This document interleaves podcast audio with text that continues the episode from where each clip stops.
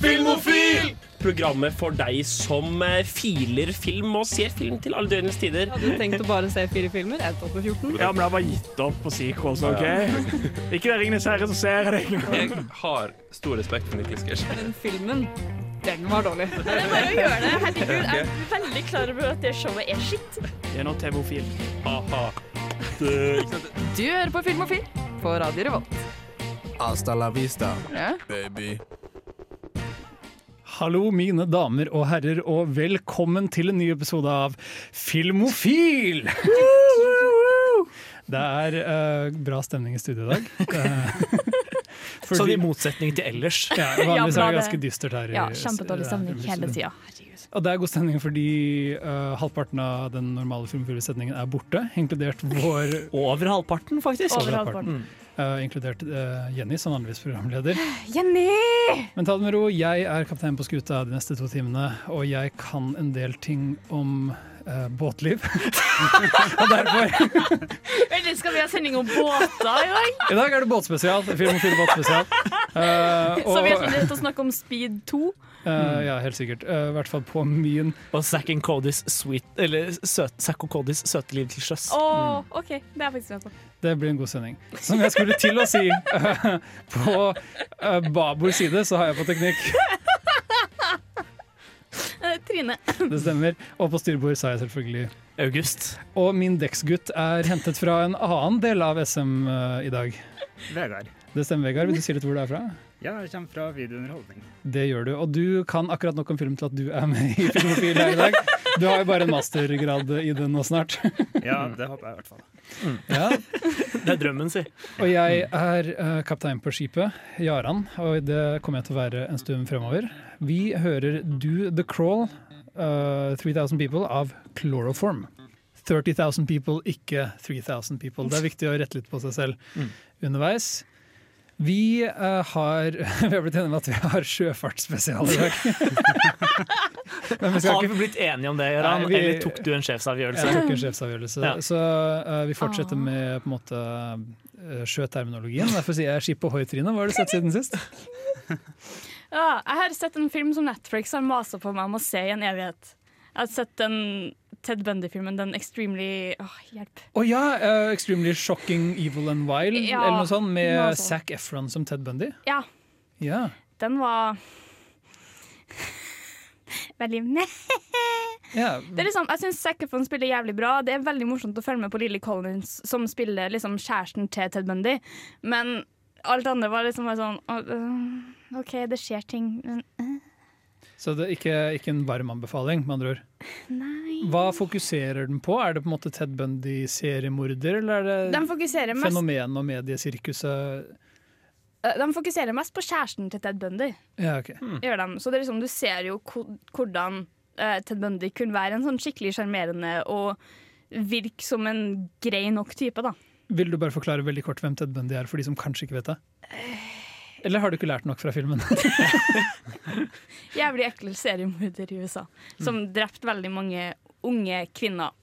Så Ja. det er sånn Han var jo på en måte en sensasjon fordi folk var litt sjokkert over at en seriemorder ikke var liksom en ekkel, skallet, rar, misformet et monster. Altså Han ser Ja. ikke ut som et monster. Han var, mange var litt sånn 'Å ja, han er egentlig litt kjekk'. Og det er kanskje Ja. derfor det som var valget til å kaste Zac Efron også. Ja, men han spiller jævlig bra. Zac Efron er en ganske god skuespiller, sånn egentlig. Selv om alle tenker på High School Musical når de hører Zac Efron. Liksom.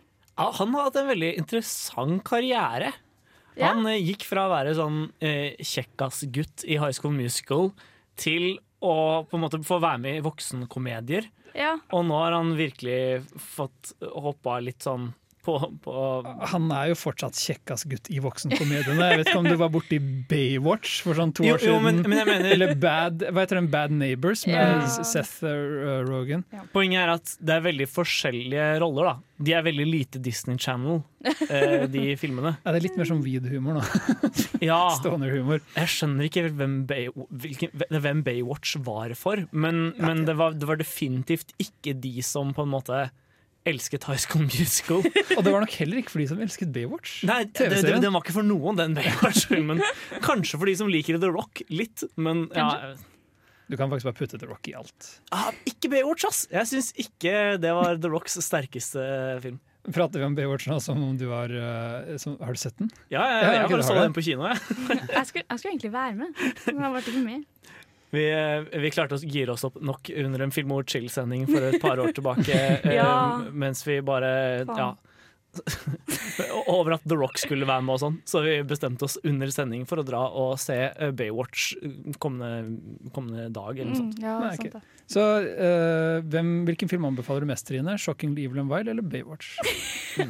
Jeg har ikke sett Baywatch. Å, nei, du har ikke det, sorry. Nei, Uh, men det er, liksom, det, er liksom, det, det er en interessant nok film. Det er gøy å se Jim Parsons ikke spille Sheldon Cooper. Det er gøy, det. Klarer han noe annet enn å være Sheldon Cooper? Ja, Ah, han er en skuespiller. ish. Han klarer det litt i Hidden Figures, liksom. Han klarer det litt her òg. Du ser Du ser Sheldon. Dessverre. Haley Joel Osment er da. Det var gøy. Han lille kiden fra I See Them. Han er jo stemmen til Sora i Kingdom Hearts. Det er der jeg kjenner ham fra nå. Ah. Eller han var i hvert fall det. Jeg tenker Vi eh, skal høre mer om hva vi har sett eh, siden forrige sending snart. Men først kan vi høre Køber med Robin Hood. Splitte mine bramseil og andre nautiske sjaranger. Oh, Fordi det er uh, maritim spesial i Filmfil i dag. Den vitsen begynner kanskje å bli litt brukt opp. Uh, Allerede, faktisk. Mm. men jeg hadde gøy med det så lenge det varte, August. Og hva har du sett det siste som var gøy mens det varte? Uh, nei, jeg, jeg så en film i går som var ganske relevant for forrige låt. Jeg så nemlig Disneys Robin Hood. Og den hadde jeg faktisk aldri sett før i sin helhet. Den animerte, Den animerte? Ja, med, en, eh, med, med reven i hovedrollen. Oh, ja! Rev, rever og bjørner og løver og ymse. Å, herregud. Øystein Sunde som den vandrende hanen. Åh, -hmm. best! Jeg så den på norsk eller engelsk? Jeg så den på engelsk. Du gjorde det. Nei. Men, Men den har veldig bra voicecast på engelsk også. Ja da. jeg tipper både Trine og jeg i hvert fall har et nostalgisk forhold til det. Har du det også, Vegard? Uh, nei, jeg har et mye nyere forhold til det. Ja, så Både du og August kom litt sent inn til Robin Hood, på en måte. Ja. Jeg ser på en måte veldig for meg at dette er en film jeg hadde likt eh, veldig mye sterkere i min barndom. Det, den er veldig fornøyelig, liksom. Eh, Det er, det er en jeg, munter film. ja, jeg, jeg koste meg under hele filmen. Jeg, det var aldri sånn Oi, dette, dette likte jeg ikke. Men, men det var jo ikke noe spektakulært, på en måte. Den, Men, men må det være det? Nei, nei, nei det, men den sagt, jeg tror bare det er litt mer intenst da jeg var yngre. Mens nå blir det bare sånn Nå, nå har jeg det helt fint i halvannen time. Vi har liksom snakka om liksom sånn Disney-crushes og sånn på en tidligere Film og Chill-sending. Mm. Jeg må si at Robin Hood var en av mine første. Men han er jo utrolig dashing, da, denne yeah. reven. Han er det. Uh, så det skal han bare ha. Forvirra en veldig ung meg. Det var veldig forvirrende. Det sånn- Var det, var det ditt furry-øyeblikk, på en måte? Nei, det var vel, det var vel KVU i 'Løvenes konge 2'. Uff da. Men uh, Mm. Men det, det jeg syns var veldig morsomt å sitte og se på, da, det er hvordan de har kopiert tidligere Disney-filmer Oh, yeah. når, de, når de lagde den. Og på en måte Fordi altså, sånn For det meste så tenker du ikke over det. Eh, sånn eh, Når slangen eh, krymper sammen som et trekkspill, eh, som egentlig er en kopi fra Jungelboken, det er, liksom sånn, det er ikke en så, et så ikonisk klipp. Bjørnen, uh, broder uh, li, Altså Lille John er jo Ja. Baloo. Farga, Mm. farga inn på nytt. Det, du merker jo det. Eh, Men på en måte det morsomste var den dansesekvensen i midten. Som du merker bare er et sånn lappeteppe av dansesekvenser som har vært i tidligere Disney-filmer. Oh, yeah. Så du har masse klipp som bare er sånn direkte henta fra Snehvit. Og det er veldig lett for oss i Norge å gjennomskue som ser Snehvit hver jævla, jævla julaften. Eh, og, og i tillegg Ja. den, eh, eh, den uh, I Wanna Be Like You fra Jungelboken. Mm. Det er et par, et par sekvenser hvor gåsa danser akkurat som uh, den, han Louis, han Ja, apekongen. og det er veldig rart å se. Men de må jo, altså, eller det er jo en billig måte å spare litt tid og penger og ressurser, Mm. og de må jo bruke Ja. referanser for bevegelsen uansett. Jeg vil jo si at eh, det skader ikke filmen at du av og til spotter det. Det, det legger nesten litt mer sjarm til det. For det, det er jo et fullstendig verk. Et, en helaftens animert spillefilm allikevel. Ja, jeg tror det hadde vært mye tristere hvis Disney Hvis det på en måte var de siste animasjonsfilmene Disney endte opp med å lage. Ja.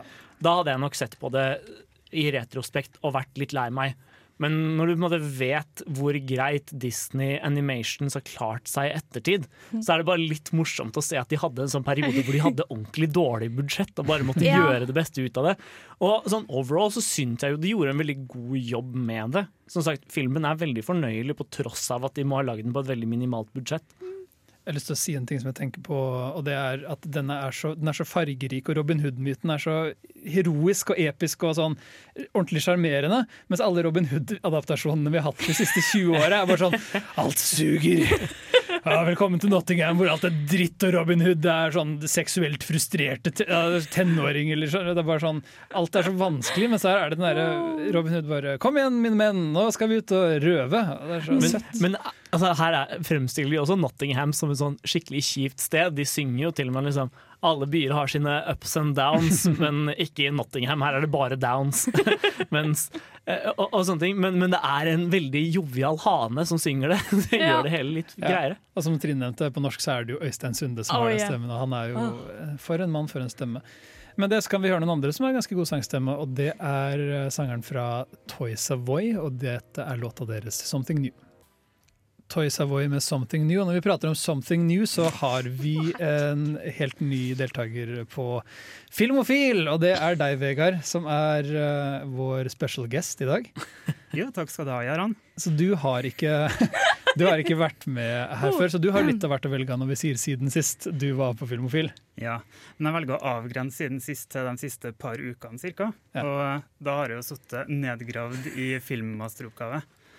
Så det jeg har fokusert på, er de sju første filmene til Stanley Kubrick. Og de har, du har sett alle de i løpet av en uke? Eller Ja, ja, eller i løpet av et par-tre dager. Ja, det var tre dager, ja. Så du har, du har Kubrick opp til hit nå, da? Jeg har Kubrick det er langt over halsen og nakken og det som er. Og egentlig alle filmene hans går i ett for meg nå. Jeg vet ikke hva som er i en film, og hva Altså- som er i en annen. Så hvis jeg ber deg velge én Kubrick-film, så blir det litt sånn uh, Paths of the Shining Ja. Men eh, Pats of Linden. Det er dine to favoritter, August. Man lager jo faktisk, altså, nå husker man, Når man tenker på Kubrick, så tenker man det gikk lang tid mellom hver film han laga. Men f- i perioden fra 1953 til 1964 så ga han ut sju filmer. Det er jo ikke dårlig rekord i det hele tatt, men da, da har du sett på den tidlige perioden hans? Ja. Så du begynte med Killers Kiss, da? Eller Nei, nei, nei, Fear and Desire. Fear and Desire, ja, det er den ene jeg ikke har sett. That one is Det er jo hans tidligste, men den Ja. Blu-rayen han koster sånn 300 kroner. Den gikk jo på Cinemateket nå nylig. Ja, den gjorde det. Hm. Liten plugg til Cinemateket, det burde jeg fått med meg. Nede en tidlig eh, Kubrick-film som ikke får så mye omtale som eh, man bør se, så er det kanskje The Killing. Den tredje filmen. Ja, Den så jeg da den gikk på Cinemateket. Ja. Det er en, eh, det er en veldig fornøyelig, fornøyelig liten heist-film, på en måte. Mm, Ja. Det er en veldig tydelig sjangerfilm. Det er jo de, I hvert fall de to første, både Killers Kiss og The Killing, er jo liksom veldig klart sjangerfilmer. Ja. Uh, jeg også syns The Killing er slik og kul og veldig Jeg får litt sånn rififi-vibber fra den.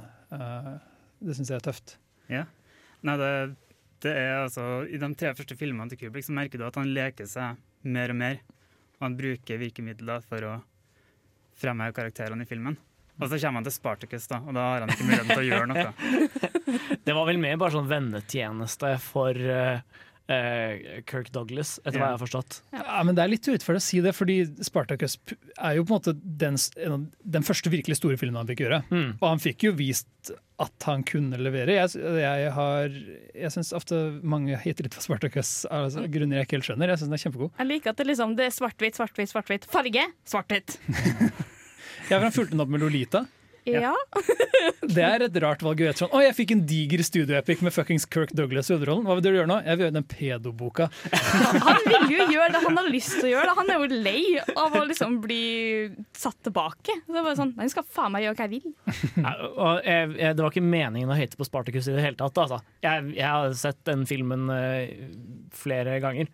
Eh, også på Cinemateket en gang, faktisk. Det, med intermission og greier. Det var god stemning. De skal vel vise den i 70 mm i Oslo? Skal den på 70 mm-festivalen også? Jeg er ikke sikker. Jeg tror jeg så Enten så var det arrangement fra i fjor, eller så er det i år. Jeg er ikke sikker. Ja. Jeg er skikkelig fornøyd i år, fordi jeg for en gangs skyld skal være i Oslo under 70 mm-festivalen. Og gleder meg som en unge. Det er deilig å få uh, filmnerda litt. Hva er den siste Ja. filmen av Kubrick du har i avhandlingen din? Dr. Strangelove. Dr. Strangelove. Å wow, det er jo faktisk en av de aller beste, syns jeg. Vet ikke hva dere syns. Ja, den, du merker at han har blitt Kubrick på ordentlig. Han har det gøy der, det ser man veldig. Mm. Og Peter Sellers er det i hvert fall gøy i den filmen. filmen. Jeg ja! er så svak for uh, Mein Führer! Hele den karakteren. Jeg tenker Vi tar en liten pause og hører Samu med 'Show Me Love', så er vi snart tilbake med enda mer film og fil. For et program i burra med både klasse og stil. Du hører på Filmofil. Pling! Vi har gått rundt hele bordet, og nå er det meg, skipskaptein Jaran, som skal prate om hva jeg har Jeg sett siden trodde vi la båtdriten på hylla. Jo, men så kom jeg på at jeg, jeg har ikke fått muligheten til å dra i hornet enda. Ah, Tut, tut. ah, OK. Um, Du, hvorfor har båten din horn? Alle båter har et tårn. Ja. Du De tenker på ja, tåkelur. liksom? Ja, de må ja, okay. de må sånn på en måte du hadde sånn biltute på båten din. mit, mit. Nei, nei, vi snakker du det, Nei, det er, det er Christopher Nolans Inception-soundtrack. skal vi komme oss er sikker på at han ikke bare hadde en tåkelur. Skal vi komme oss videre til hva du har sett, eller Gøran? Takk, takk til programleder Trine, velkommen til eh, Filmofil. eh, det beste programmet for å bli litt klein på mine vegne på Radio Revolt. Jeg har, vi, vi, det er nesten så vi må opp i tidsmaskinen, fordi jeg har sett Den trodde jeg i hvert fall la fra oss for to episoder siden. Fordi jeg har ikke sett så mye siden sist. Jeg ser, jeg ser litt på TV nå og har roa det veldig på filmfronten. Jeg har Possession sittende på hylla mi, bare klart å se, hvis dere er kjent med den. Uh, med Neil eh, Harris og Isabel Rosalini, eller hva hun heter. Jeg husker ikke. Det er en, en thriller jeg har fått anbefalt for lenge, lenge siden. Men jeg har aldri uh, somla meg til å se den, så jeg ser på Legion. Ja. Uh, Fox-TV-serien som finner sted i X-Men-universet. Nå har jeg nettopp sett ferdig sesong én. Så jeg tenkte jeg bare skulle fortsette med å anbefale Legion, fordi uh, jeg syns dette er så kult. Fordi det, det har jo X-Men-logoen på seg, så du tenker Ja. liksom at det skal bli et superheltshow, men det blir det aldri. Sesongavslutningen er, den er så liten, den finner bare sted nesten egentlig bare i hodet til hovedkarakteren. skjønner du? Og det er så deilig at de bare de holder det De, de har virkelig bare de, de tråkker på bremsene hele tiden og prøver å melke ting så, så mye de kan. og Jeg liker det veldig, veldig godt. Alt er karaktersentrert. Jeg er blitt veldig glad i karakterene, og det er så deilig å like karakterene i TV-show. Så Jeg ser veldig fram til å fortsette å se på, for jeg har begynt å se på det sjøl. ja, på min anbefaling, eller? Ja, så jeg har sett to hele episoder. Nesten sett ferdig tre. Ja, så kult. Så du vil også anbefale? Ja, Det er jævlig gøy at han plutselig bare har en jævla dansemontasje i første episode. Bare, ja, det er flere dansemontasjer i dette showet, altså. hva skjer? Det er, veldig, det er en veldig rar trip å dra på. Ja, Men jeg liker jo Jeg jeg er jo kjempeglad i Dan Stevens. Jeg visste jo ikke helt at det var han som spilte hovedrollen, og jeg bare Oh my god! hva annet spiller Dan Stevens? Um, Downton Abbey. for eksempel. Og han, han, han, han spiller Beast i Skjønnheten, den live action-remaken av Skjønnheten og udyret. Så spiller han også hovedrollen i den veldig undervurderte The Guest. Ja, han er i The Guest, men han ligner jo ikke på uh, karakteren sin i, uh, i Legion i The Guest i det hele tatt. Der er han jo bøff som faen. Han er stor, intimiderende og vet Han hva? er, han er så skummel. Se The Guest, ass. Det, er- det er en skikkelig bra sånn throwback. eh, nå drit, jeg skulle egentlig si at jeg også har sett på Adventure Time på anbefaling fra ei venninne, og jeg virkelig begynt å like det. Men jeg har lyst til å prate om The Guest. Det, det er ikke no, Nok folk har ikke sett The Guest. Har du sett The Guest, Vegard? Nei. Mm. Det er fra de som uh, sto bak Your Next, uh, hvis du har sett den. Og den nye Blair Witch-filmen Ja, som var- ikke slo an like mye. Jeg har ikke sett den, men jeg hørte det var litt uheldig. Ja, det, det har Jeg jeg også hørt. så found footage-konseptet og tenkte vet du hva, den kan jeg godt stå over.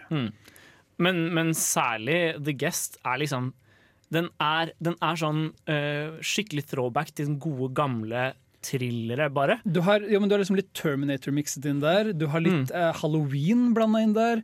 Uh, Jeg ser for deg at du blanda Terminator og Halloween i en veldig sånn moderne Mm. in, in, Eller i en moderne innpakning, men veldig gammeldags på en måte historiefortelling, kanskje. Ja.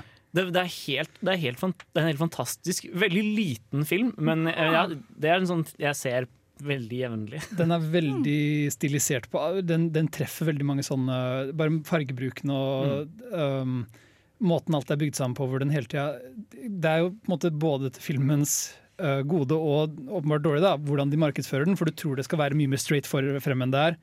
Når det er bare sånn ah, en, en, en mann kommer tilbake fra krigen og sier liksom å, sønnen deres døde, og jeg lovte han å liksom hjelpe han med å bare settle his affairs. Mm. Og så tenker du ja, ok, så det blir sikkert en litt sånn home invasion-aktig film, eller noe, siden det er en thriller, men du bare oi, wow, hva er det som skjer? Og du, den overrasker deg litt sånn konstant, Mm. nesten i hvor enkel den egentlig er. ja. Det er veldig varm anbefaling fra min side. i hvert fall Jeg anbefaler Guest mye mer enn jeg anbefaler både Legion og Adventure Time, selv om de er kjempegode. Vi tar en liten pause før vi går videre i showet, så kan vi høre Mr. Bungle spille Ars Moriendi. Den sangen sluttet like brått som sist jeg gang var en time med noen. Og vi er Vi er tilbake i studio, og du hører fremdeles på Filmofil sin uh, Marin spesial. Fordi jeg nevnte båter i introen min. Det er ikke noen annen grunn. Vi har uh, egentlig produksjons, produksjonsslutt, så vi får sikkert kjeft for at vi er her av noen. Tror du ikke det, Trine? Nei. Nei, så bra. Men fordi det er Marin spesial, folkens, så har jeg et spørsmål til dere. Og det er hvilken film uh, som finner sted på havet, liker dere best? Og hvis dere husker noen filmer, så er det bare å rope ut, og så får dere bare si hva dere ser etter i en film som finner sted på havet. Ok, jeg, jeg har egentlig to filmer jeg har lyst til å ta opp her. Min favorittfilm som foregår på havet, er nok Das Båt. Eh, alle burde bare se Das Båt. Eh, jeg har veldig lyst til å se fulle TV-serieversjonen av Das Båt også. Ja, for jeg skulle si Hvem av de sånn tre kuttene anbefaler du, eller har du sett? Jeg har sett både den, lang, den korte og den lange cutten. Altså sånn den to timer og tre kvarters cutten og tre timer og tre og en halv times cutten. Mm. Eh, men jeg har ikke sett den fulle TV-serien. For det var jo en er miniserie. Fire-fem timer, det, nesten. En, noe sånt. Jeg tror det er en seks-sju episoder. Um, mm. Laget på tidlig 80-tallet i Tyskland. Men den er i hvert fall helt fantastisk. Handler om et tysk ubåtcrew under andre verdenskrig. Og noen av sekvensene der er så intense at jeg, ikke helt klarer å beskrive hvor utrolig god filmskapingen er. Ja, for du, er, du blir nesten overraska over hvor dokumentaraktig det blir, uten å aldri miste den cinematiske måte, tilnærmingen til det. Mm. For det, de, det føles som de har, har en fullstendig ubåt der, og du blir litt sjokkert over hvor, hvor godt det er filma på noe som virker så trangt og, Mm. og så ektefølt. Det, det, jeg, ja, jeg, og den siste på en måte store, store sekvensen mm. der er helt sånn Jeg, jeg, jeg tror, tror det er ekte, da. Ja. Men den filmen jeg egentlig hadde tenkt jeg skulle snakke om da, eh, før du sa våre favorittfilmer på havet, eh, er en jeg føler har gått litt under radaren hos for mange, og det er 'Master and Commander' av Peter Weir, med Russell Crowe i hovedrollen. Ja. Og den er sånn Jeg syns den sånn Den har skikkelig mesterverkpotensial, men det er bare veldig få som har sett den. Den jeg vil bare si fort at den kom ut samme år som en annen havfilm, og det var samme år som eh, Pirates of the Caribbean, mener jeg. Um, Hvis jeg ikke husker feil. Eller nei, husker jeg feil? Jeg vet ikke. Jeg tror den kom litt senere enn Pirates of the Caribbean, men kanskje Pirates of the Caribbean sånn Jeg føler, jeg føler at de, den liksom eh, Pirates kanskje muligens ødela litt for Master and Commander. Skal Det kan jeg være godt helt hende. Hvis jeg ikke husker feil, men nå kan den jeg bare rota det helt sammen. Heldigvis er vi Trine på faktasjekk. Master and Commander kom 2003. Ja. Det samme år, da. Ja, det, ja, det er Ja. samme år. Mm. Og Pirates var jo en diger hit. Ja. Og så var det enda en film om folk på en båt, liksom. Og så var det sånn Der er det ingen magiske skjeletter. ja. Nei, du Det var nok et teit når de bare fikk sånn skjørbuk. Dette er kjødelig. Men, men det, er, det er på en måte så overraskende enkel fortelling på én måte. Eh, de, det handler bare om crewet til Russell Crowe, som skal eh, spore ned og ødelegge en sånn fransk gallion under en eller annen krig. Mm. Og så Og så er det liksom Og så er det det de gjør, da. Hele filmen. Men så har Peter Weir så veldig sånn innstilling om at det her skal vi vise så, så nøyaktig som vi kan. Så du merker at alle detaljene er på en måte gjennomtenkte, og alt er på en måte så historisk presis som det kan bli. da. Ja, det er en veldig episk film. Nå har du på en måte tatt de to elitepicsene For kondisører, har du noen uh, havfilmer du er glad i, Vegard? Jeg har lyst til å snakke litt om uh, Ang Lees historien om Pi, Ja. som kom fra en del år siden. Og det er jo en veldig vakker film med fine haveffekter og en uh, tiger. Fine tigereffekter også. Ja. Eh, men jeg husker at det jeg satt igjen med etter at jeg så den filmen her på kino for en del år siden, var en frustrasjon over hvordan den filmen slutter på. Fordi eh, når en aldrende pi sitter i slottet sitt, eller hva det er, og forteller denne sitter vel i, sånn New York-leilighet, liksom. En sånn, ja. og avslører at eh, hele historien er en analogi om religion Mhm. Du trenger ikke å fortelle det. Jeg jeg har lyst til å bare Mm. forsvare på en måte Joe Schmo kinogård, at det er sikkert fint å få det fortalt av og til. Den litt den der, Mm. eh, Hvis Ang Lee sitt mål er å få alle til å tenke, så kan det hende du må stave det ut for noen på en måte med den filmen. Tror du ikke det? Jeg hadde, eh, det er en av de få tilfellene av litt sånn uh, mer betydningsfull litteratur som jeg hadde lest før jeg så filmen, uh, filmen som ble basert på verket. Og eh, jeg husker jo jeg ble litt sånn skuffet fordi akkurat det religionsaspektet er mye lettere å håndtere i en bok enn på film. Ja, mye mer, men jeg syns de gjorde en kjempegod jobb med det i filmen. Jeg likte det Å, i helvete, veldig godt. Med trommevirvel så skal vi høre 'Singing Swords' med Mario! Der hørte vi Trondheimsbandet 'Singing Swords' med Mario. Det er mye trondheimsmusikk her på Radio Revolt, men eh, Trondheim leverer også på musikkfronten. Mm. Så det er gøy å, å være musikkprodusert igjen. At, eh, for- forrige uke så valgte vi jo sanger selv, og da ble det litt klassikere, litt slagere og litt eh, ymse. Ymse er ordet. Mhm. Og ymse er også ordet når vi prater om filmer som finner sted på havet. Oi. Trine, nå har både Vegard og August fått lov å komme med favorittfilmene sine som finner sted uh, på eller ved havet. Har du en, uh, en film du liker? Ja, jeg merker det at jeg ser ikke på så mye filmer som liksom, tar plass på sjøen, for at jeg, er litt, jeg har litt sånn havskrekk. Hva med den Fordi- lille havfruen? Ja, det er under havet. Vi er er på under havet, havet. vi, Gøran. Ah, ja, Da kunne man gått for Den lille havfruen 2. Den Er den bedre enn den lille havfruen? Nei. Hvorfor skulle du gått for den lille havfruen? Nei, men den, den mesteparten av filmen foregår over. Ah, sånn, ja. okay, Men det er liksom, hvis jeg skulle ha gått for den, så tror jeg bare tatt Moana. ja. Disney-filmen som kom for sånn tre år siden. Det, det var en sånn film jeg så første gangen og var veldig likegyldig til. Og så plutselig da den kom på Netflix, så innså jeg at jeg hadde kjempelyst til å se den igjen. Så jeg innså brått at jeg likte filmen veldig mye bedre enn det jeg gjorde første gangen. Eller eh, eh, veldig mye bedre enn jeg trodde jeg gjorde. Og det er en morsom erkjennelse de gangene det skjer. Men det, har liksom det, det animerer vann skikkelig bra. Det, av og til når jeg ser den filmen, så sitter jeg bare sånn øh, Det er sånn, Den traileren til Frozen 2 der hun står på stranda, da er det sånn OK, er det her live action, eller er det tegnefilm? De begynner virkelig å få til å animere vann, og det er skummelt. Er det skummelt? Er det Ja. ikke Ja, men det er skummelt. Desto mer mer liksom, menneskeaktig de klarer å animere ting, desto mer redd blir det. Jo bedre animasjonen er, jo varmere blir jeg hjertet mitt. For jeg tenker på alle CGI-artistene som har jobber, som får betalt. Men jeg blir, jeg blir skikkelig glad. Avengers-trailerne nå, nei, Avengers-rulletekstene, de er jo altså Det er et krigsminne. Skjønner du hva jeg mener? Det er bare evig navn. Hvis det er sånn 'Dette er de falne', liksom, så hadde det bare sittet grått i sånn Ja, det er sikkert bare alle animatørene som Ja, men det er jo det der. listen. Det er bare 1000 CGI-artister. Og jeg tenker på sånn Filmbransjen leverer når det gjelder um, um, arbeidsplasser. og det er bra for økonomien, så jeg, jeg slår et slag for god animasjon selv om vannet er skummelt. Er det din yndlingsfilm på havet? Virkelig? Ikke Titanic? Ikke Jeg er ikke noe glad i Titanic. Titanic er sånn tre timer med øh. Det var bra at du sa, for jeg vil prate om min yndlingsfilm på havet, nemlig Titanic. Er det din yndlingsfilm på havet? Nå som du har tatt med and Commander, øh, så Og dassbåt. Ja, for så vidt Dassbåt òg, men øh, jeg er skikkelig svak for Titanic. Jeg, jeg må bare Screenplay til Titanic er sånn Det er så skremmende lett. Det, altså du, Alle tropene er der, alle karakterene er sånn. Når øh, Billy Zane dukker opp, det er bare sånn Å, jeg skal hate deg de neste to timene. Du vet det, fra, det I can do that. Fra øyeblikket han dukker opp, bare sånn Oi, du var jo ekkel. Og alt er bare Det bare settes opp, og så som en sånn naturlig dominokjede så slår de det bare ned. Og det er dette med Titanic er egentlig en actionfilm og en kjærlighetsfilm i ett. Det de siste, den siste timen av Titanic er skikkelig heseblesende. Jeg blir sliten av det.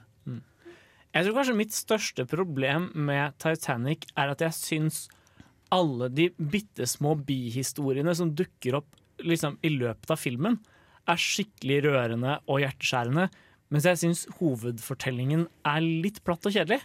Eh, og så sånn, Bandene som spiller, for eksempel, der blir jeg skikkelig på gråten hver gang jeg ser de. Men så ser jeg de bare i sånn fem sekunder av gangen. Eller sånn ekteparet som holder rundt hverandre mens vannet flommer inn, eller kapteinen som står, på, står ved roret for liksom ta ansvar for sine handlinger på et vis. Jeg vet, det er veldig mange av de småhistoriene som treffer meg liksom rett i hjertet. Jack Rose er bare kjedelig. Men Jack og Rose er liksom Ja. Nei, det er ung kjærlighet, da. Det er søtt. Men jeg ja, vil det påstå er, at det er, ah, det er, det er sånn når du får sånn Ta, ta tre drops i munnen på en gang, og så er det sånn Ja, dette er søtt, men også litt mye. Jeg vil bare si at De små historiene føles kanskje eh, litt ekstra nære fordi de føles ganske ekte. Fordi de Mm. ofte er basert på sanne beretninger om folk som var der. på en måte Mens Jack og Rose er jo fullstendig fabrikkert og brukes mer som en sånn uh, publikumssurrogat, nesten, for å ta deg gjennom alt som var på båten. Ja, de, de Eh, føles mer som guidene våre rundt på den synkende Titanic. Ja, eh, egentlig. Men hele den, det er en sekvens der hvor, um, hvor um, den kvinnelige hovedkarakteren i Titanic Rose. Rose, eh, er fastlåst nede i, mens båten synker, og dette rommet begynner å fylles med vann. Hun må Er det ikke- seg ut. Jack som er fastlåst? Jo, kanskje det er det, men hun kommer og hjelper han. En, av- Ja. Jeg har et bilde av henne med kjole, våt kjole vassende gjennom der. Og så den er ganske gammel, den filmen. der. ja, ja, det er litt rot, men jeg husker bare at jeg sitter med hjertet i halsen hver gang den scenen er. Altså, de må komme seg ut derfra. Jeg syns det er kjempeeffektivt. Jeg hater følelsen av et rom som fylles med vann. Jeg har bare aldri brydd meg om Titanic. Jeg, liksom, jeg hadde mange venninner når jeg var spittesmå, var lita som bare elska den. Og så skulle vi se den, og de bare spola fram til skipet sank, og det var det vi så. Oh, wow. Så det var, liksom bare, det var min liksom, opplevelse med Titanic helt til jeg så den sjøl. Hva er ditt forhold til Titanic, eh, Vegard? Uh, jeg har egentlig bare sett den én gang. Um, og jeg husker jeg grein i armene til min daværende kjæreste. Det er bra å kunne vise følelser, det er det. Men uh, utenom det så jeg likte den. da. Jeg syns det er imponerende. Spesialeffektene holder seg fortsatt kjempebra. Ja, det er sant. Og hele Nei, hva faen?! Vi skal høre en låt nå, det er derfor jeg ikke klarer å prate lenger, for den låta heter Titty Shake. Og det tok meg litt eh, på senga. Uh, Titty Shake tok meg på senga av Son of Dave. Hei, du hører på Filmofil, programmet som gir deg aktuelle filmsaker fra filmens spennende verden. Ok, Det der trenger å være den nye liksom starten på Mhm. åpningsjingeren. Filmofil, ja! Nei. Eh, vi er jo Filmofil, filmmagasinet på Radio Revolt. Det eneste filmmagasinet på Radio Revolt. Så hvis Ja. du Det beste filmmagasinet på Radio Revolt. Begge de to tingene er sant. Mm. Hvis du vil uh, høre ting om altså aktualiteter om film på Radio Revolt, så bør du søren meg høre på Filmofil. Så ta en pause fra filmtittinga og hør på denne nyheten. Christopher Nolan skal komme med en ny film. Den kommer neste år. Ja. De fleste gleder seg til Christopher Nolan-filmer. Ja. Uh, til og med hipstere gleder seg til Christopher Nolan-filmer. Ja, sånn hipstere som ikke helt har skjønt at det er ganske mainstream å like Christopher Nolan. Mhm. De som fortsatt på en måte, De som er på, sånn, har sett akkurat nok film til å ha hørt om noen regissører. De hipsterne liker Christopher Nolan. De gjør nok det. Uh, han har annonsert tittelen, releaseår og cast mer eller mindre samtidig. Det er jo litt spennende å prate om, er det ikke det? Det, det høres ut som mange bra ting på en gang. Vi kan begynne med tittelen. Den skal hete Tenet. Ikke Tenant. Ikke Tenant, men Tenet Tenet. Hvordan uttaler dere det?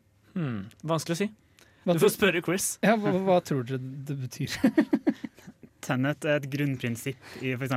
religion eller eh, dogma. Er det det betyr? Ja. Ah, Vegard, tenk at du gjester i dag. Det er helt perfekt. Vi er Filmofil Fakta-programmet. på Radio Revolt. Ja, for jeg skulle tippe at det var en, å, å, søsterkanalen til T-Series eller noe sånt. Det tar ikke den vitsen. Nei, det er den mest subscriba YouTube-kanalen for tiden. Den, Ja, jeg merker det. Jeg blir trøtt på jeg prater om det. den har eh, Bollywood-låter. Eh, god. Um, eh, Castet er også ute. Og det er Robert Pattinson, som vi skal prate mer om veldig veldig snart. Yeah. For de av dere som har hørt litt om han. Uh, Aaron, Aaron Taylor Johnson. Kenneth Branagh kommer tilbake fra, fra Dunkerque. Ja. Gullmedal! Ja, men vet du hva? Um, I Dunkerque så var Kent Brenna sin karakter en av de, en av de som ga meg sterkest emosjonell respons.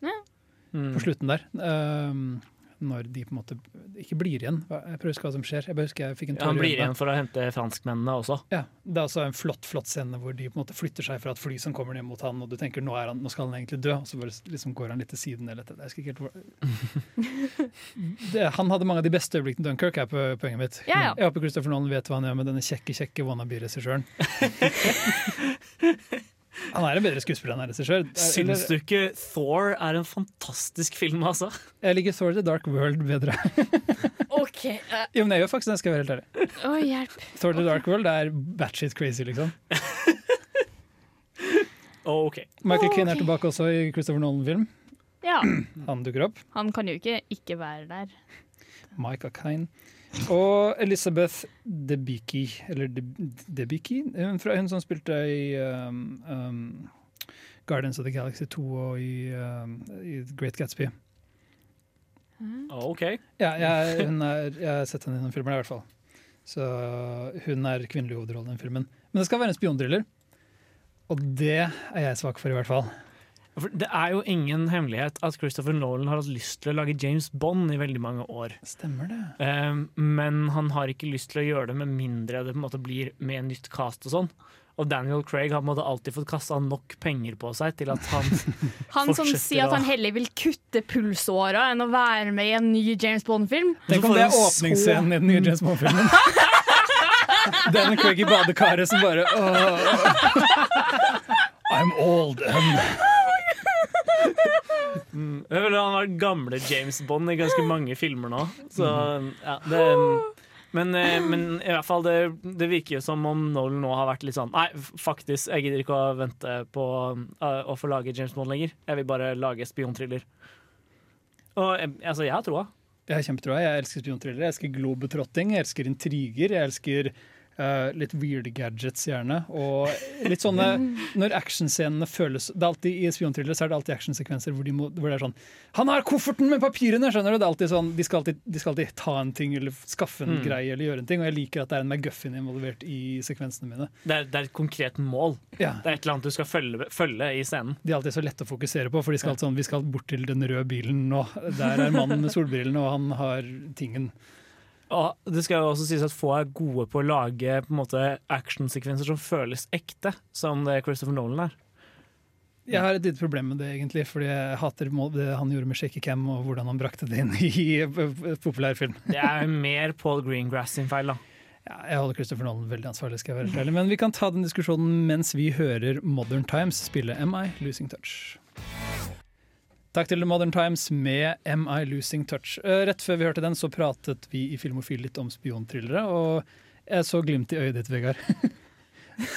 ja, for jeg har en spionfilmthriller som jeg har litt lyst til å snakke om. Det er The Man from Uncle. Ja, Guy Ritchie sin uh, Når kom den? Er, det, er den fire år gammel, da? Tror det er 2015 som er utgivelsesåret der, muligens. Ja, no, 2015-2016. Jeg var liksom I alle fall på sent Jeg var med i Filmofil når den, var, når den kom. Tells den som auditionet til Henry Cavill for Mission Impossible Fallout? Det var i alle fall den filmen som viste at Henry Cavill faktisk er morsom. Mhm. Det er rart hvordan disse hunky dudene, både han og Chris Hemsworth, eh, på en måte kommer og sier sånn Hei, forresten er vi mye morsommere enn vi er flinke skuespillere. Ja. Nei, hva syns du om Man from Uncle? Nei, for Det er egentlig en ganske morsom film. Jeg tror det kan diskuteres hvorvidt det er en kjempebra film, men jeg ble veldig positivt overraska. Jeg hadde det veldig gøy i halvannen til to timer mens jeg så den filmen. Det er jo en komedie. Eller det, jeg tror den, den kom vel ut på en tid hvor den for det første var liksom i konkurranse med jeg tror eh, var det en James Bond-film ute det året, og en Mission Impossible-film. Eller en av de to, i hvert fall. Mm. De kom vel ut sånn om hverandre. Så øh, folk var kanskje litt sånn ikke så interessert. Jeg tror den kom ut samtidig som Spy med Melissa McCarthy også. Å gud, den suger! Oh, jeg, den Oh, jeg, Jeg vil lure på det, så jeg lurer på om folk var litt der sånn at skal vi se flere spionfilmer? Altså, jeg tror den gjorde det litt dårlig på grunn av forventa sikkert at Jason Statham skulle ha poppe frem fra en eller annen hjørne. Han gjør det i hele Spy. Jeg tror det var, jeg tror det var 2016. Um, og det var samme år som Mission Impossible Rogue Nation, Mm. kanskje. Mm. Eller jeg husker ikke helt. Eh, enten så var det det, eller så var det året før. Em, men, eh, men ja, det er jo em, det var jo, Rogue Nation er jo en bedre spionfilm etter, etter min bok, i hvert fall. Man from Uncle kom i 2015. Jeg husker det, for vi hadde Guy Ritchie-sending. Ja, Guy Ritchie-sending. Ja, vi, har vi har prata om uh, Man from Uncle tidligere på Filmofil, men det er lov å grave den frem, er det ikke det? Jeg var jo ikke her når vi prata Ja, ja, om det. herregud. Det, Mer å bli noen år sia, tross alt. jeg er gammel. Nei, men Man from Uncle, uh, som vi egentlig skulle prate litt om, Vegard. Ja. Jeg vil jo si, eller jeg, jeg, sa, jeg, jeg foreslo det er sånn Det hadde vært gøy å prate litt om spionthrillere, hadde ikke det? For jeg er skikkelig svak for de.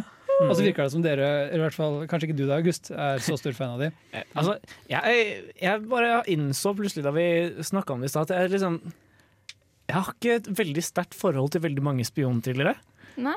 Men, eh, men jeg kom på én jeg eller, De, de spionthrillerne jeg liker, det er de som er i litt sånn sjanger eh, eh, i grenseland rundt hva sjangeren er. For hva, hva må egentlig til for å være en spionthriller? Må det være noen som er ansatt som en spion? Jeg foretrekker det eh, for spionens skyld. Fordi eh, i så fall og, og hva, hva skal til for å være spion? Må det være på store internasjonale greier? For jeg liker best de som er litt mer lokale av seg. For eksempel eh, The Lives of Others. Ja. Som jo handler jo, bare det er jo veldig en spionfilm. Den handler jo om en fyr som bare driver og spionerer på noen.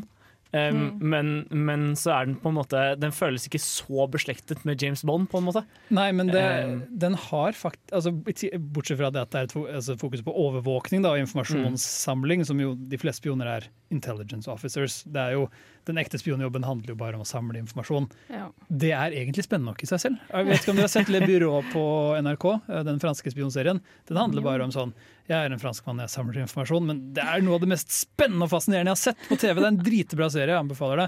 Og Lives of Others faller litt i samme grensa, hvor det handler mer om hvordan, hva det gjør med deg som menneske. Da, på en måte.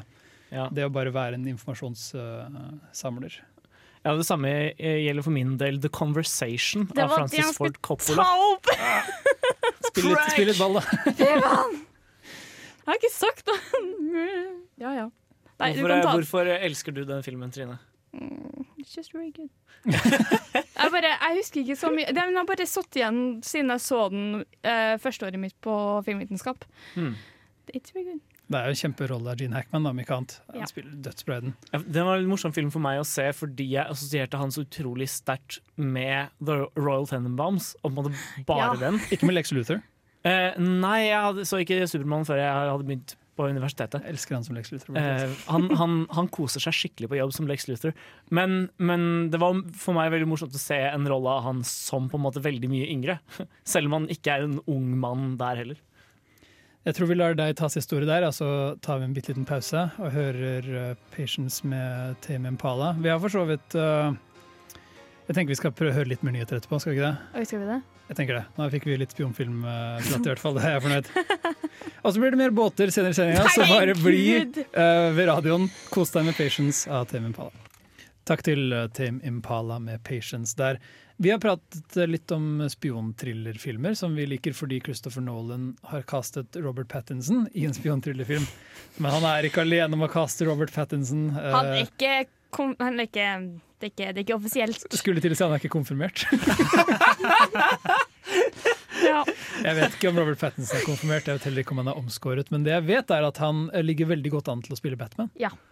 Eller Patman, som han nå kalles. Jeg håper det blir Robert Pattinson som spiller Batman. Da får vi en ung Batman igjen. Ben Affleck ble kasta for å være en, en aldrende Batman. Ja. Og så ble Ben Affleck lei seg. og bare, Han gikk fra å være all in på Batman-prosjektet. Jeg skal spille, jeg skal regissere, jeg kan godt skrive og produsere. Og nå er han sånn Snakk seg. Ja, det, Gjør det smart å stikke av fra DC. DC er sånn synkende skip som kommer til å drepe alt som er Nei, nå har du jo James Gunn klar for Suicide Squad 2. Det kommer ikke til å gjøre det bra for dem, da. De Wonder Woman fikk jo god kritikk. Jeg skal være litt positive for DC-fanboysene. De må jo ha noe håp igjen, så de ikke alle sammen begår seppuku og Det er så ille. Vi bytter til, tilbake til den nye Batman-filmen, Trine. Hva, hva slags forhold har dere til Robert Pattinson? Eh, Harry Potter? Jeg, jeg assosierer han litt for mye med Honest, honest Trailers, hvor de konsekvent omtalte han som shovelface en periode. Ja. Eh, så, så ordet shovelface dukker veldig ofte opp i hodet mitt. Men det er ikke et catchy superheltnavn. Shovelface Man er liksom Det fungerer Åh, ikke for meg. Da, den, den superheltfilmen hadde jeg sett. Robert Shovelface. Pattinson is shovelface. Nei, men, eh, men jeg syns også han har hatt eh, Han er også på en lista over, Hva er det som eh, skuespillere jeg syns har hatt en veldig morsom på en måte karriereutvikling. For altså, Twilight ble jo på en måte universelt hatet av alle, så, av alle en periode. Ja. Um, Helt rettferdig. Nei, det er ikke helt rettferdig. Jo. Den ble hatet veldig mye sterkere enn den fortjente. Den er bare en dårlig film, den er ikke verdens undergang. eh, men i, i hvert fall etter det så har han plutselig blitt sånn Arthouse-darling. Ja. For å jobbe med Han har blitt fast samarbeidspartner med David Cronenberg. Ja, og jeg og digger det. Mm. Uh, jeg tenkte bare spørre, for Nå tar vi liksom runden. Og så tenkte jeg skulle spørre Vegard om han er en Robert Pattinson-fan eller et uh, Pathead, som jeg nå kaller de. Jeg er ikke et pathead. Er du ikke et pathead? Pattin, Pattinson har hatt en tendens til ikke spille filmer som jeg har et tett forhold til.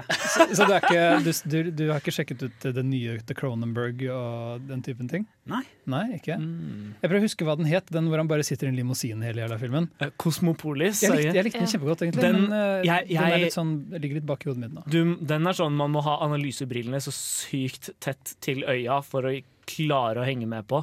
Men det var en helt vanvitt Det, var, det var en helt fantastisk scene der hvor Juliette Binoche driver og stripper Mhm.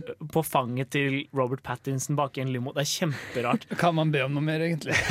Jeg synes nok Maps to the Stars var en bedre film enn Kosmopolis, men samtidig sitter Kosmopolis bedre igjen sånn oppi hodet mitt. Ja, jeg har den som litt sånn et sammensurium av filmer. Men også for ikke, for ikke å glemme den eh, som kom i fjor, Hard Time. Good Time, tror jeg den er. Good Time. Ja. Mm. Motsatt. um, men eh, der er han jo sånn Han hadde sett traileren til den forrige eh, filmen til eh, regissørparet, og så var han sånn Nei, jeg skal være med i neste film.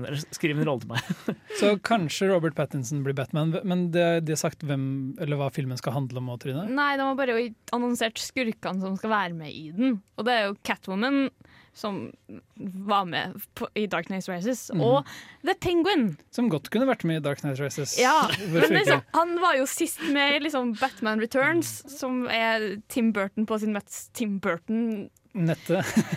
noen gang. Og er liksom bare sånn, Hvordan i all verden skal de gjøre The Penguin? For de har jo The Penguin i Gotham, som er den prequel-serien til CW. Ja, stemmer det. Det fins. Ja, det fins. Det er en ting. Jeg har alltid lurt litt på hvordan hva, hva er egentlig The Penguin i tegneserien? For altså, jeg har jo bare sett The Penguin i Batman Returns, og der er han jo bare kjempeteit. Han er litt smartere i tegneserien, er han ikke det? Jeg skal oute meg selv som en diger Batman-fan som kan masse Batman-law og eier en hel haug av um, den kontinuiteten som inntil nylig var Batman-law-bibelen. Nå er det jo reboot av Batman-universet i DC, så det har jeg ikke fulgt med på etter Court of Owls og sånn. Men, Etter Rebirth, liksom. ja, um, men uh, jeg vet ikke om vi rekker å prate så mye om det, men Penguin er mye smartere. Han er jo på en måte en, han er jo en, crime boss, først og Ja. fremst. Mm. Det har han alltid vært. Du kan Uh, se det veldig Hvis du har spilt Arkham-spillene, så er The Penguin ganske smart og god i hodet, og ikke gal, som han er i uh, jeg har lyst til å bare spørre fort. Hvem vil dere se kasta som The Penguin? Trine, gå! Jonah Hill? Ja! John C. Reilly. Jeg, jeg sier Michael Cera, jeg vet ikke hva Og med det så hører vi The Dandy Warhols spille Motor City Steel. Før vi tok en pause, og så pratet vi om eh, at uh, Robert Pattinson kanskje skal spille Patman i den nye Batman-filmen. og eh, vi tok en sånn rask 'Hvem vil dere se som The Penguin?' For den andre skurken, skurken skulle være The Penguin og Ja. Catwoman. Hvem vil dere se som Catwoman? Fikk jeg ikke spurt om. Altså, jeg, dette er kanskje litt sånn øh, For det første, jeg, jeg skulle gjerne bare hatt Anne Hathaway tilbake igjen som, som Catwoman.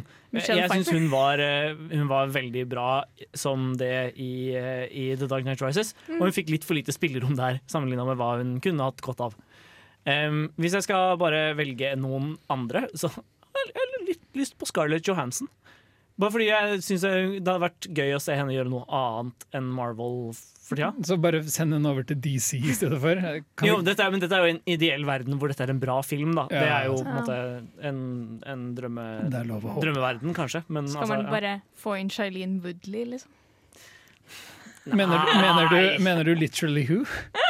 På, eller også kjent som Charlene What's Her Face. Det er ingen som har et tydelig bilde av henne i hodet sitt, er det det? Hun er bare en Ja, person Jo, jeg har et veldig nært forhold til The Descendants, så derfor har jeg et veldig Ja, hun er datteren til George Clooney. Den. Hun er datteren til George Clooney der. Um, og jeg er veldig glad i den filmen, syns den er kjempefin. Um, så, så jeg har veldig sterkt forhold til henne derfra, men så har hun på en måte gjort så mye annet veldig mindre interessant etterpå.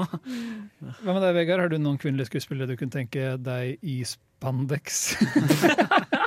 Nå setter jeg meg veldig on the spot her. Jeg kunne også godt fått tilbake Anne Hathaway. Men, er det overraskende at dere alle sammen har så Jeg føler at hun fikk skikkelig mye hat for Catwoman-rollen.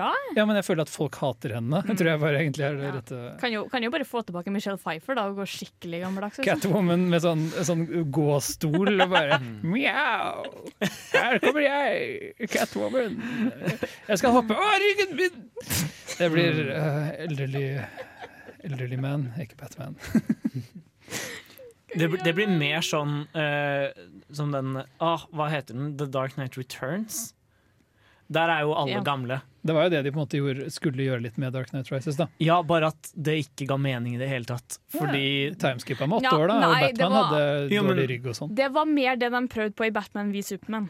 Det, de tok det derifra. Ja, de gjorde det, men der tok de det bokstavelig talt sånn. De rev hele tegneseriesider ut av tegneserien og limte det inn Ja. i filmen. Bare, Du kan ikke si imot at de prøvde, men uh, se heller tegnefilmen da, eller les tegneserien. det var flaut. Så en Hathaway Ja. på deg også, Vegard. Har du ingen, har du ingen kvinnelige skuespillere som du liksom Fordi Det virker som de kommer til å gå, med en, gå for en ung Batman, hvis de går for liksom Robert Pattinson og den typen ting. Den kan gå for en litt eldre en, da, så får vi skikkelig Åh. cougar her. Hva med, hva med Kirsten Stewart? Bare, bare å ta en weird Ja! throwback til Twilight.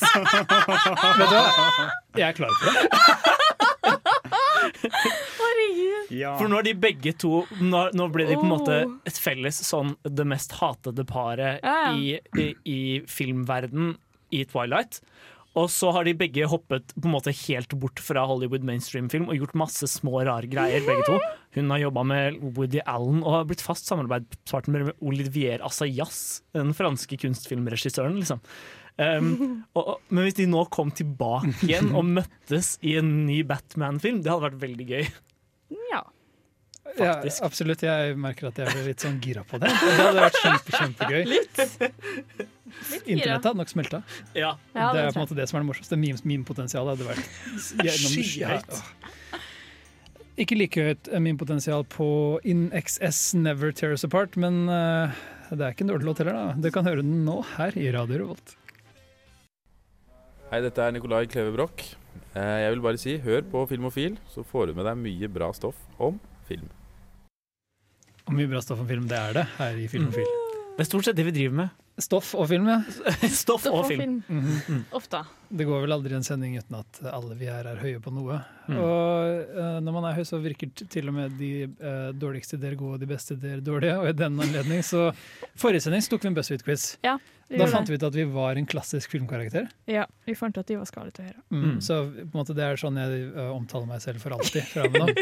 Men vi, Vi er Scarlett O'Hara. er, Ja. vi er Legion, vi er Scarlett, Scarlett O'Hara. Men vi skal finne ut uh, vi vi skal kanskje bytte det ut med en annen filmkarakter. Trine. Ja, vi skal finne ut uh, which kind of sucky movie character are you? Hva Mm. definerer en sucky film? Eller hva er, hva er en sucky filmkarakter? En Det gjenstår vel å se. Ja, Jeg er litt spent på å vite hva, hva som er pa- parameterne for det. Ja. Ja. okay. Du får kjøre quiz, da. Ja, vi starter med Which movie best represent you? Så vi kan velge mellom Beetlejuice, Click, The Fault in Our Stars, Space Jam, 500 Days of Summer eller Jupiter Ascending. Er det liksom greia jeg må ta med meg en av disse i graven, så arkeologer skal finne de ved siden, det ved siden av bena mine? Er det der vi er? Og så skal, de, og så skal de se den filmen og så skal de skjønne Å ja, han var en sånn person. Det er det som er greia her. Lener meg mot Beetlejuice. Gjør du det? Ja. Ja, ja. Er du, du er Tim Burton eh, litt sånn Ja. Jeg dukker opp hvis du sier navnet mitt tre ganger. Ja, det tror jeg faktisk på, for det har du gjort! Ja. Han dukker plutselig opp i Discord. Det er skummelt. ja, Hvis du sier- skriver Vegard tre Nei, Hvis du Discord, sier Vegard tre ganger, så plutselig så popper han opp. så logger han seg inn i Discord. Kjempeskummelt. Jeg er, mer- jeg er mer sånn platt og kjedelig fyr, så jeg må nesten gå for 500 Days of Summer. Det er begge to filmer med usympatiske hovedkarakterer, så det representerer oss. hvert tror alle er det, er- det noen her med sympatiske hovedkarakterer? Ja, kanskje Space Jam. Space Jam. men, men jeg er ikke Bugs Bunny, liksom. Det, det må jeg bare erkjenne. Hvilke filmer representerer deg best, Trine? Jeg vet ikke, kanskje jeg skal si Klikk. Kult, da stemmer vi altså på Beetlejuice, så får vi det ut av verden. Fordi Eh, de andre filmene her er litt sånn ymse. OK, vi skal finne ut Så går vi videre til hvordan Friends-karakter er du mest ofte uh, sammenligna med, faktisk. Nå blir folk kjent med filmofile her, liksom. Mm. friend, hvem er du? Friends er jo på en måte det eldgamle spørsmålet. Det, hva kom først av høna og egget? Ja. Hva kom først, først av deg og din friends karakter? Er Jeg tror faktisk Chandler, som jeg tror jeg har blitt i en sånn quiz en gang før, ja. er, uh, kom før meg. Jeg, jeg hater å være med, tror jeg er Ross. Altså, jeg har blitt sammenligna med Ross sjøl, selv om jeg identifiserer meg som en Phoebe. Du kan få lov å velge Phoebe i denne quizen. Mm, eh, hjertelig takk. Det. Hva med deg, Trine? Hvem er du? Nå står det på deg. Nå har alle valgt forskjellige karakterer. ja, for det er Monica. Det, Ja, da er det Jarand som har dobbeltstemme nok en gang. Da, blir vi Chandler. Yes, da blir vi Chandler. Og hva er din verste worst habit? Så det, Texting while driving, vær så snill, ikke gjør det. Telling white lies, talking during movies. Ikke gjør det. Being constantly on your phone, leaving dirty dishes in the sink, being late to everything. Å si at Hvis noen dere velger prate under film, så må dere gå hjem. Det spørs da om du prater mens du sitter og ser på det i stua di eller på kino. Det er bilde av kinosal her. Ja, det er bilder av kinosal der. Nei, jeg, jeg går for oppvasken. Eh, Jeg, jeg, jeg er dårlig på oppvask. Sjæl. Jeg er for sein på alt. Ja! Jeg tror det er Hvite løgnere som er min eh, verste. Så der er vi også Nei, vi, er, vi blir living dirty. Ja, så Mm. bra. Både meg og Gustav. Det er derfor vi lager mat hos meg. Vi lager mat i Film og Film. Okay. Uh, Hvordan sosialt nettverk er din favoritt? Pinterest, Twitter, Facebook, Instagram, TikTok eller Tumblr? Hva er TikTok? Jeg velger sånn TikTok. Jeg velger TikTok. Musikk rar Er det ikke bare. Vine for barn? Ja. oh, OK. Jeg, jeg er bare på Facebook av disse. Gå for Facebook sjøl, jeg. Jeg må nesten si Facebook selv. Det blir Facebook, vet du. Jeg, jeg har ikke TikTok heller. Jeg bare synes det er et artig navn. Oi. Tick-tock on the clock, but the party don't stop. Ok, No. det, det siste spørsmålet er What did you think of this quiz? It's the most evil quiz I've ever taken. Ugh, just tell me it's over. Ha ha, ha, I liked it. Just give me my result. Depends on the results I get. Why are you asking? Um, ugh, bare si meg. Just give me my result. Kommer man på resultatet? Ja, ok, da uh, Why are you asking, spør jeg, men uh, Ja, klikk på den. Ja, da blir den. Why are you asking? Å, ok, Det er en sucky filmkarakter, ja. Jeg vil mye heller være Scarlett O'Hara. Kan du drumroll, please?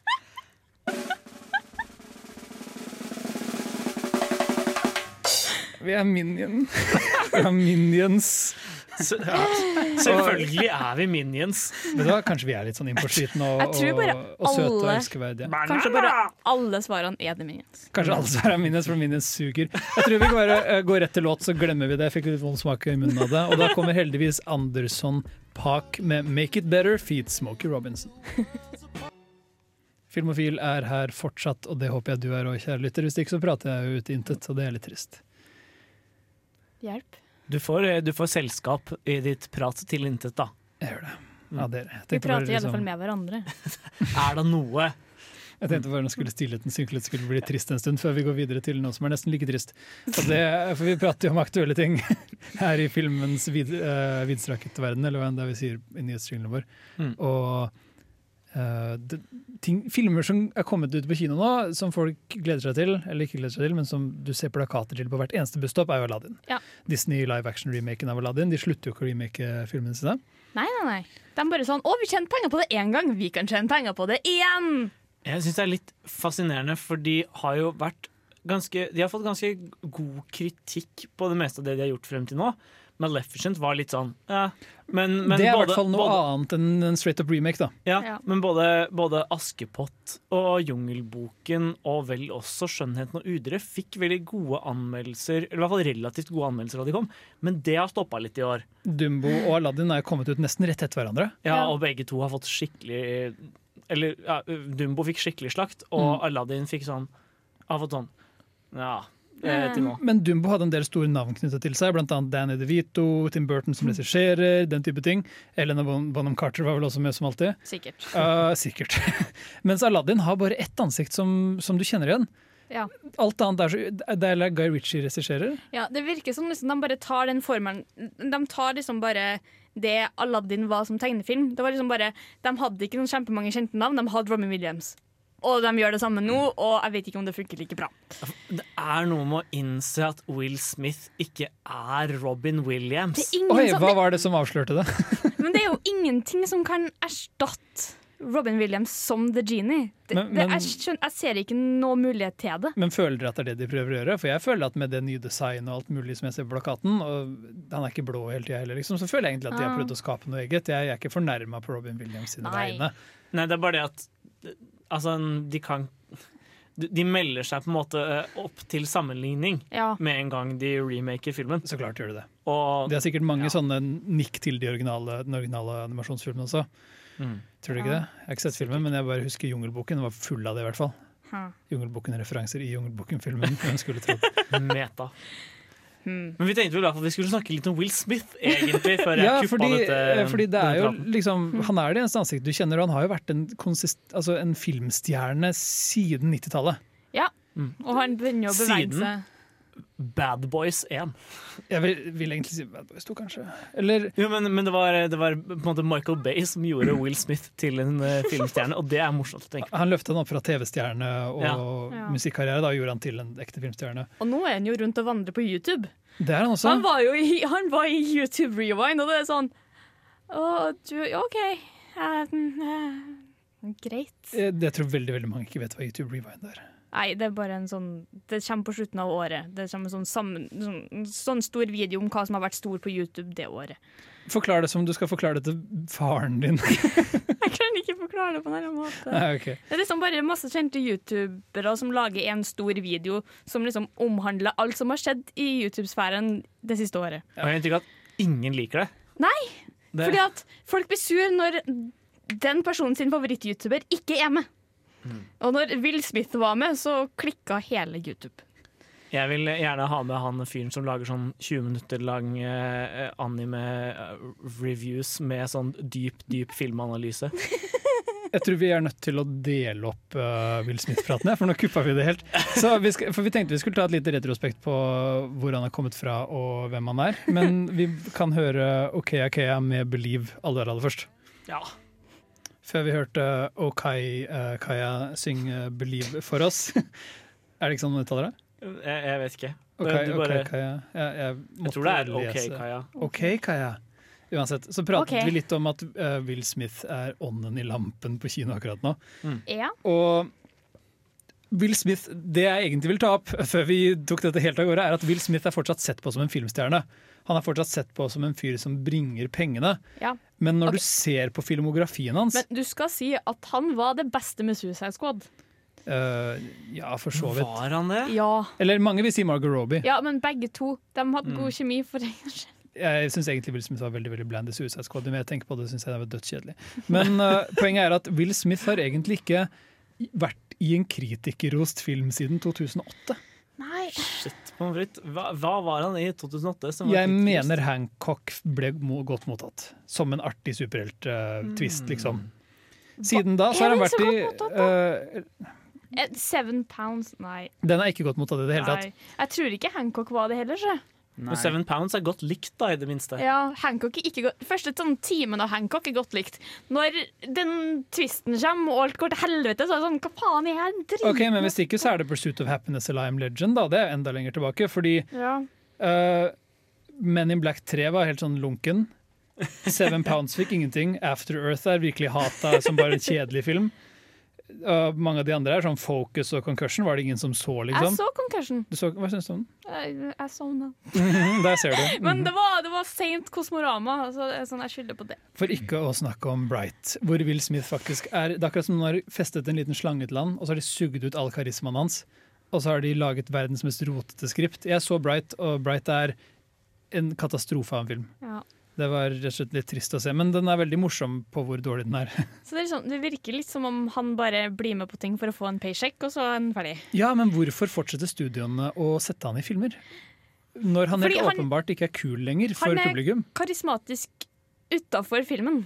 Det er Ja. liksom, han sjøl er veldig karismatisk. Tenker du at han er god PR mer enn han er en god skuespiller? Mm. Ja. Ja, kanskje. Jeg, vet- jeg tror egentlig han fortsatt er karismatisk. Det er bare ingen som vil ha han, med, ha han i karismatiske roller lenger. Mm. Han, kan ikke, han er for gammel til å være Fresh Prince. Mm. Altså, han er blitt for gammel til å være den typen kid, den kule med-kiden, liksom. Ja. Ja, det, det han burde gjøre, er å gradvis transitione mer over i sånn Samuel L. Jackson-aktig territorium.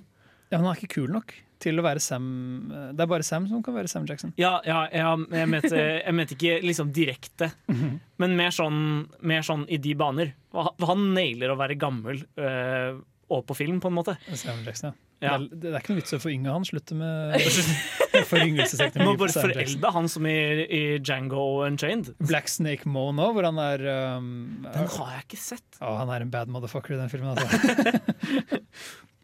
Men, eh, men i hvert fall, jeg, jeg tror på en måte Will Smith egentlig har potensialet til å måte gå inn i alderdommen eh, med veldig mye verdighet. Men det fordrer at han kastes til noen roller hvor han kan være litt gøy.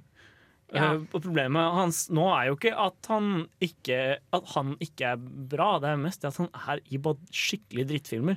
Men hva Som slags, Bright. hva slags forventninger har dere til han som eh, i Robin Williams sin genie-rolle, da? Vegard? Eh, der har jeg veldig lite forventninger, men jeg har en eh, tilståelse å komme med, og det er at jeg ikke har sett den originale Aladdin. Har du ikke? Nei. What?! Det var jo en av filmene i barndommen til vår generasjon, egentlig. Føler jeg. Han er litt eldre, da. Ja, men, Jo, men desto, desto mer, egentlig. Altså, Ja, det er sant. Jeg er på alder med Aladdin. Ja, du er det. Men, eh, men ja, du, er det noen god grunn til det, eller har den bare aldri liksom Det, jeg husker jo ikke hvilke Disney-filmer jeg så da jeg var liten, men jeg tror ikke jeg så Aladdin heller. Og så har jeg aldri tatt det opp igjen. Jeg har aldri hatt et veldig nostalgisk forhold til Disney-filmer. Så jeg har, Mange av dem har jeg sett bare fordi jeg har måttet ha sett dem. Jeg tracker jo hvilke filmer jeg ser. Mm. Og dem er dem som flest har sett som jeg ikke har sett. Nei, da virker det som du har en liten opprydding med Disney-filmer uh, som du burde ta snart. Men uh, da kan det hende du får et annet forhold til Aladdin når den går på kino, da. Siden du ikke har et nostalgisk forhold til originale. True. Vi tar en pause fra Disney-praten, og så hører vi hele Moby med 'This Wild Darkness'. Selv om det har vært Filmofil sin båtspesial, så er det jo egentlig eksamensspesial fortsatt også. Mm. Forrige sending så gjorde vi mer eksamensspesial. Du kan jo høre den på podkast, stream on demand eller eh, på nettradioen til Radio Revolt. Egentlig hvor som helst. Eller Radio Revolt sin egen app. Det har vi også. Vi har en helt egen app. Last den ned. Der skjer mye kult der. Der kan du lese Vilmofil sin anmeldelse også når de kommer ut. på forsida. Ja, det er den siste anmeldelsen jeg skrev. Mm. Forrige uke så spurte jeg jo dere hva er den beste filmen for å slappe av, eller beste tingen å se på for å slappe av når du er stressa til eksamen og bare trenger å koble deg to timer. Jeg har lyst til å spørre dere denne gangen, hva er det verste du kan se? Hva stresser deg skikkelig, eh, Vegard? Hvis du liksom sitter med masteroppgaven, da, hva er det siste du vil se? Det aller siste du bør se når du driver og stresser med eksamen, er 'Requiem for a Dream'. Hvis du virkelig vil få blodpumpa til å gå og sitte igjen etter filmen ute av stand til å gjøre noe produktivt, se 'Requiem for a Dream'. Det er jo en av de, eh, en, en av de første Nei, den tredje filmen til Darren Aronofsky eller noe sånt, er ikke det? Jeg tror det var andre. Ja, han gjorde bare pai før det. Ja, okay. Hva med deg, August? Hva har du å by på? Eh, Jeg så en eh, film sånn eh, rett før påske en gang som het Free Solo. Som handler om en, Det er en dokumentar om en fyr som skal friklatre opp en fjellvegg som ingen har friklatret opp før. Det, var, det var ganske høyt stressnivå. Det, Jeg tør ikke se den. Nei, hvis du har, hvis du har liksom litt snev av høydeskrekk, så er det bare å holde seg unna. Det var, det var stressende. Oh. Herregud. Jeg har hørt om den. Va- va- Var den Oscar-nominert? Vant den? Den vant. Den vant, ja.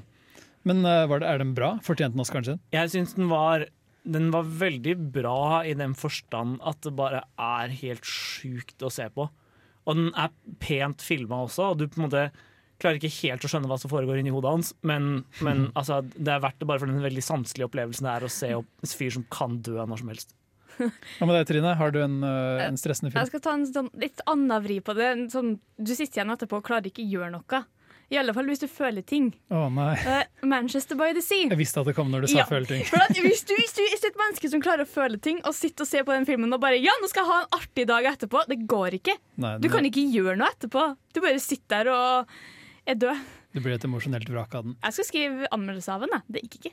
Nei, du klarte ikke? Nei. Oi, wow. Det er no. Og så er Casey Affleck der i tillegg. Da gjør det enda verre. Gnir, gnir på en måte salt i såret. Åh. Jeg, jeg, jeg har tenkt å velge en film jeg lurte på om du kanskje skulle velge, August. Og det er eh, Gaspar Noé sin Climax, som eh, du og jeg så på kino sammen.